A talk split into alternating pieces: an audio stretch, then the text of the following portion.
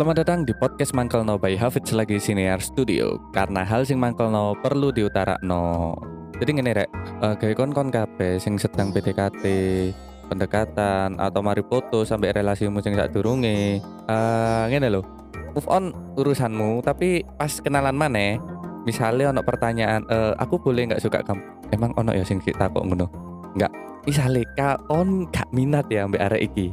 Kenapa sih kon gak langsung ngomong kayak Uh, sorry yo, aku gak minat sampai kamu. Sorry yo, aku gak suka kamu. Sorry yo, kon kurang ganteng. Sorry yo, kon kurang ayu. Sorry yo, kon miskin. Sorry yo, kon gak suki. Sorry yo, kon selera seleraku. Kenapa sih kalian gak kon kon kabe gak gelem langsung ngomong kayak ngono? Kenapa harus pakai kata-kata yang aman tapi memperumit?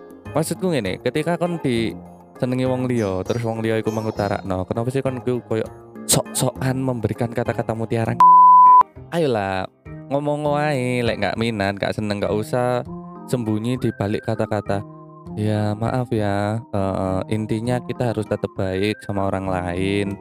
Ya Cen kon nggak usah ngomong itu wis hukume kita harus baik ke orang. Tapi ketika kon memberikan jawaban lek gak seneng nang arek iku iku bukan berarti kon nggak baik kok nang arek justru kon menyelamatkan arek supaya arek iku nggak lebih jatuh mencintaimu ngono loh kenapa sih men ngomong kayak ngono? Dan kenapa harus selalu sembunyi di kata-kata yang aman?